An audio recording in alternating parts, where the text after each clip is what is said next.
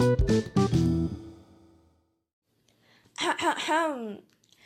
semua, Assalamualaikum warahmatullahi wabarakatuh. Welcome back to podcast Departemen Kemandirian yang kedua. Di podcast kali ini, aku Azhar Mubiaring dari staf Kementerian Ekonomi Politik Badan Eksekutif Mahasiswa Fakultas Ekonomi dan Bisnis UPN Veteran Jawa Timur akan nemenin kalian sekaligus menjadi host pada podcast kali ini. Apa kabar teman-teman semua? Semoga selalu baik-baik aja ya di tengah-tengah kondisi pandemi saat ini. Semoga kita selalu diberi kesehatan. Amin. Nah, teman-teman, podcast kali ini akan diisi oleh Anis Fitria dan Risma Amalia yang sama-sama dari Departemen Kemandirian. Mereka akan membahas seputar cara mengatur keuangan selama pandemi COVID-19. Teman-teman pada penasaran nggak? Yuk, kalau pada penasaran, wajib simak nih podcastnya. Hai hai, Assalamualaikum warahmatullahi wabarakatuh. Kali ini berjumpa dengan aku Risma Amalia Sari dari Departemen Kemandirian. Dan teman-teman, ini podcast kedua setelah podcast pertama pada minggu lalu. Buat teman-teman yang belum dengerin podcast yang pertama, wajib banget deh dengerin. Jadi di sini aku bersama teman aku namanya Anis, yang juga dari Departemen Kemandirian. Hai Anis. Hai Ma. Gimana Nis, lancar nggak kuliah daringnya? Alhamdulillah, dibuat lancar aja deh, Mah. Wah, oke okay, Nis. Jadi teman-teman, aku dan Anis di sini akan membahas mengenai cara mengatur uang, apalagi sekarang ini di tengah-tengah pandemik. Tentunya kita mungkin agak susah ya buat ngatur keuangan, soalnya kan selama pandemik ini banyak orang yang mungkin penghasilannya menurun. Atau dari kita ini sebagai mahasiswa udah gak dapat uang jatah dari orang tua kita. Langsung aja ya Nis, aku mau tanya nih, menurut uh, menurutmu yang sering menjadi problem pada pengelolaan keuangan terutama pada generasi milenial itu apa sih? Oke, Ma, makasih udah kasih kesempatan aku buat berbicara mengenai pembahasan podcast kita kali ini yaitu uh, cara mengatur keuangan selama pandemi.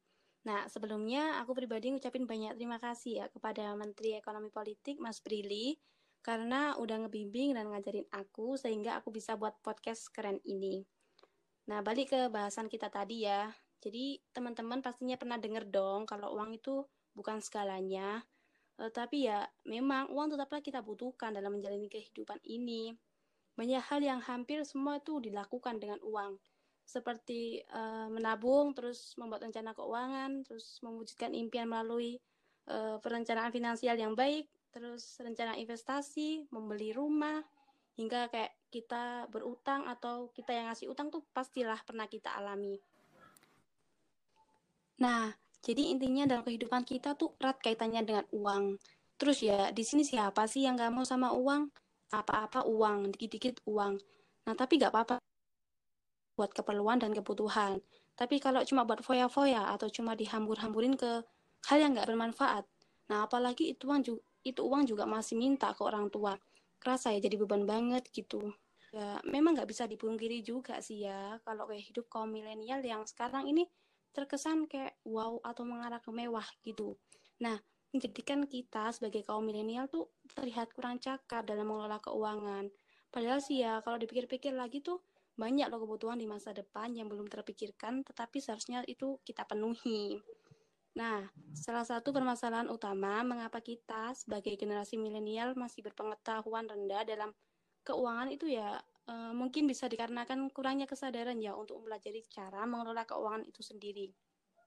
Ya walaupun tuh sekarang info mengenai finansial sudah banyak beredar di media apa pun. Tetapi kalau emang basicnya kita nggak tertarik ke bidang finansial ya, akhirnya tuh info cuma kayak angin lewat aja. Terus kalau dilihat-lihat tuh ya anak zaman sekarang hampir punya kayak hidup yang tinggi. Jadi ya akhirnya dana yang akan dikeluarkan untuk mencukupinya tuh juga ikutan tinggi. Nah, adanya tekanan gaya hidup seperti yang aku jelasin tadi itu yang sebenarnya sering menimbulkan banyak problem bagi kita. Nah, untuk itu kita tuh harus pintar-pintar membedakan mana yang merupakan kebutuhan, mana yang merupakan keinginan. Alasannya juga itu agar kita nggak mudah terjebak dalam gaya hidup yang konsumtif. Jadi sebenarnya itu agak susah ya buat kita yang lemah iman. Karena kalau ada barang bagus dikit aja kayak jiwa kita tuh langsung meronta-ronta buat milik itu barang. Bener gak ma? Iya bener banget nih. Aku juga sering kayak gitu.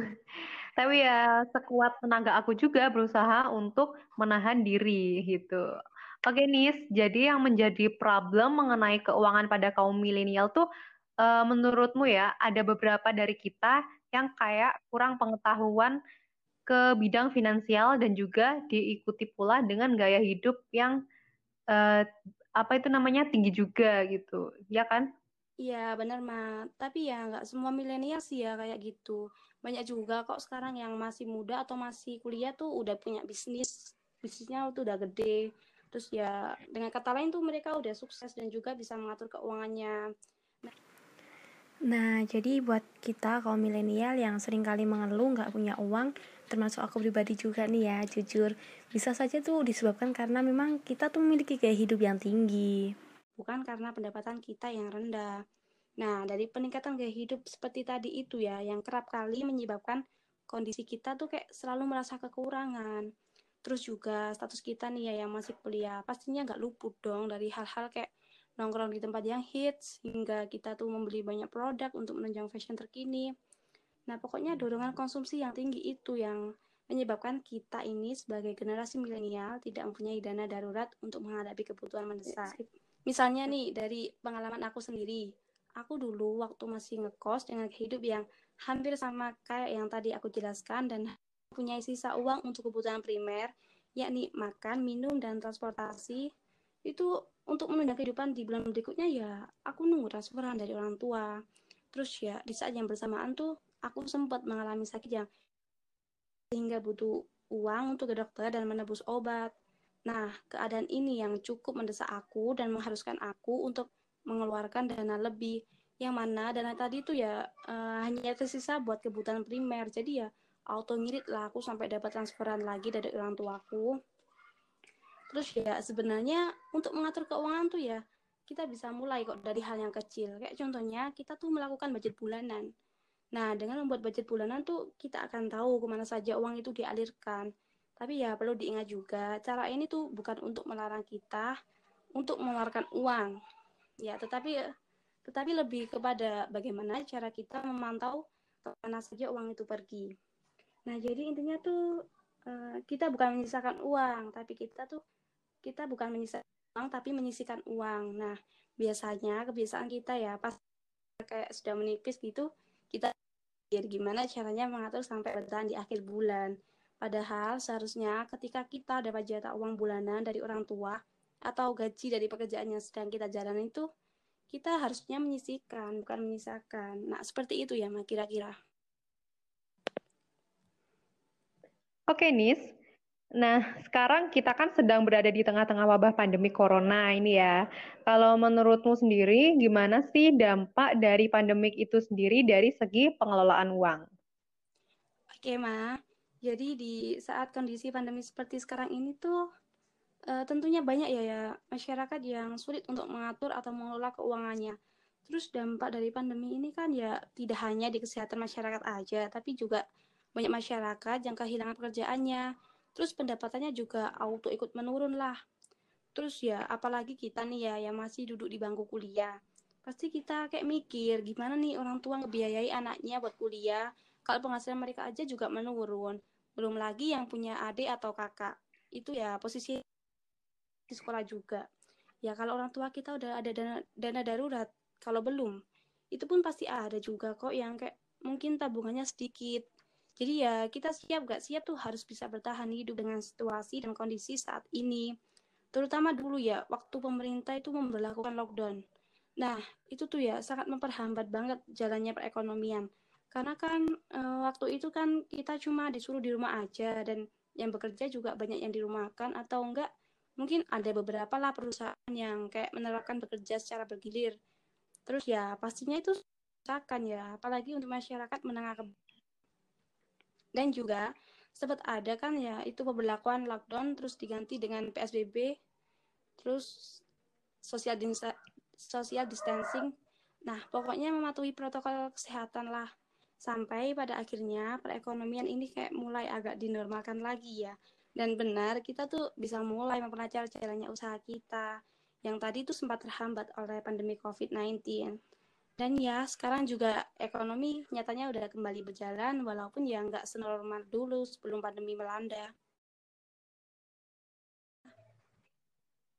Ya, baik nih. Tadi kan katamu ada dana darurat. Nah, dana darurat tuh kayak gimana sih? Terus dimulai dari kapan kita bisa memulai membuat dana Ya, darurat? jadi dana darurat itu ya kayak contohku tadi ya yang udah aku jelasin. Nah, itu dana untuk berjaga-jaga seandainya kita tuh uh, lagi ditimpa hal yang mungkin tidak kita inginkan. Seperti misalnya kayak tiba-tiba kita sakit, terus lagi gak ada uang juga. Nah, kita tuh bisa pakai dana tersebut. Atau seperti sekarang ini ya, tiba-tiba kan pandemi virus corona ini datang. Dan kita tuh nggak tahu kapan berakhirnya. Apalagi waktu lockdown itu, kita nggak bisa ke mana-mana kan. Dan dan yang masih sekolah pun ya itu harus daring di rumah. Terus juga banyak pekerja yang di PHK ataupun di rumah kan. Nah itu tuh menyedihkan banget ya. Kayak apa mah kayak ditinggal pas lagi apa mah? Sayang-sayangnya. ya ya kalau nah kalau kita udah punya dana darurat kan kalau kita punya dana darurat kan itu kita bisa meringankan dan membantu kondisi ekonominya kita. Ya, tapi kalau kita sekarang belum punya dana darurat ya kita masih bisa kok memulainya. Nah, itu tadi sekarang kan kita udah bisa keluar rumah, bisa bekerja juga di luar rumah, asalkan mematuhi protokol kesehatan. Dengan kata lain, kita sudah bisa berpenghasilan lagi. Nah, dari penghasilan yang kita dapat tadi itu, kita bisa mengalokasikan beberapa penghasilan ke dana darurat tersebut. Seperti itu, Ma. Oke, okay, baik. Kalau dari kamu pribadi nih, yang kamu lakukan selama pandemik itu apa aja? Kalau biasanya kan anak kuliah sih kayak yeah. kerja part time gitu ya, atau enggak buat bisnis sendiri mm-hmm. gitu, setauku. Terus perbedaan cara mengolah keuangan pribadi sebelum pandemik dan selama pandemik tuh kayak gimana uh, sih nih? Kalau dari aku pribadi nih ya, uh, sebelum pandemi dan selama pandemi itu kayak mengalami perubahan drastis gitu, kayak mengalami transformasi ya kayak bener-bener beda. Jadi statusku ini kan masih kuliah, jadi mahasiswa juga dan aku nggak kerja. Jadi aku pure mahasiswa karena dulu waktu semester kayak tiga atau empatan tuh mau izin kerja sama orang tua tuh nggak dikasih izin. Nah katanya tuh ya takut nanti kuliahku keteteran. Soalnya kan orang tua aku tuh sadar aku tipikal anak yang kalau dikasih pekerjaan tuh kayak suka sambat. Padahal menurutku nggak gitu. Ya emang sih kalau di rumah itu kalau disuruh apa disuruh ngapain gitu aku kayak males-malesan. Tapi ya kalau nggak disuruh aku agak produk agak produktif juga sih kayak beberes rumah gitu. Ya emang sesuai banget nih kayak meme yang sering muncul di Instagram yang katanya kalau kita tuh bakalan produktif apabila tanpa suruhan. Ya gak pak ya. bener bener Terus nih ya, aku yang dulu sebelum pandemi itu sering jajan boros dan kayak belum mikir cari cara uang sendiri tuh kayak gimana karena masih mengandalkan uang dari orang tuaku. Berdosa sekali ya aku. Terus juga seneng banget belanja online via Shopee, kayak suka check out barang yang akhirnya aku beli. Dan itu tuh menurutku juga bukan termasuk kebutuhannya aku. Intinya dulu kalah banget kalau ada promo ataupun diskon. Nah, auto transfer tuh ya via apa ya, via M banking tuh yang aku punya. Nah, pada akhirnya aku tersadarkan oleh pandemi ini. Kayak aku baru ngerasa kayak benar-benar jadi beban gitu di rumah. Soalnya kerjaannya tuh cuma kuliah, nugas, terus rebahan. Kamu juga gak, mah? Oh iya, sekarang kan kamu enggak udah dong, jalan enggak. ya. ya. enggak, enggak. Uh, uh, ya kadang-kadang ya, kayak gitu. Akhirnya aku memberanikan diri buat coba-coba berbisnis. Ya walaupun kecil-kecilan nggak apa-apa lah. Yang penting ada pemasukan. Itu-itu juga tuh ngeringanin ngeringanin beban orang tua aku terus juga aku yang mulai menabung ya nggak banyak sih kadang kalau aku dikasih jatah bulanan sama orang tua tuh atau dikasih kakakku yang sudah kerja itu ngumpulinnya seminggu terkadang cuma sepuluh ribu atau enggak dua puluh ribu dan itu tuh juga tergantung menyesuaikan keadaanku juga lagi butuh uang atau enggak jadi ya kondisional lah pokok Bener banget nih, kalau boleh tahu nih, kamu lagi jalan bisnis atau usaha apa buat menunjang uang jajanmu selama pandemi? Iya, Ma. Jadi selama pandemi ini aku memanfaatkan ponselku dengan uh, menggunakan media sosial buat bantu aku mendapatkan pundi-pundi dolar. Ya, jadi ini hampir sama ya kayak punya all shopmu. Aku tuh berjualan hal yang berbau dengan fashion yang biasa dikenakan sama wanita kayak misalnya hijab, inner, scrunchie dan sebagainya banyak lah pokoknya. Wah, sama dong Nis, aku juga lagi jalan bisnis kayak gitu. Tapi kendalanya mungkin yang paling umum tuh banyak pesaing ya, soalnya kan emang ini bisnis online shop itu banyak digemari sama anak muda. Anak muda zaman sekarang gitu. Karena dengan modal kecil pun kita bisa memulai, ya kan? Iya, bener banget Maya. Walaupun sekarang nih banyak banget pesaingnya ya, karena hampir kontakku di WhatsApp itu juga jualan kayak apa yang aku jual ya jadi mau gak mau tuh aku bersaing buat dapetin pembeli uh, caraku sendiri yakni aku agak menurunkan harga atau harga yang kujual itu lebih murah daripada punya teman-temanku dan ya aku juga gencar melakukan promosi terus gitu. Terus alasanku sendiri memilih fashion ini ya karena ya wanita mana sih ya yang gak suka sama fashion? Dan pastilah hampir semua wanita wanita tuh kayak suka bergaya yang kekinian gitu. Tak terkecuali aku juga kamu juga iya kan?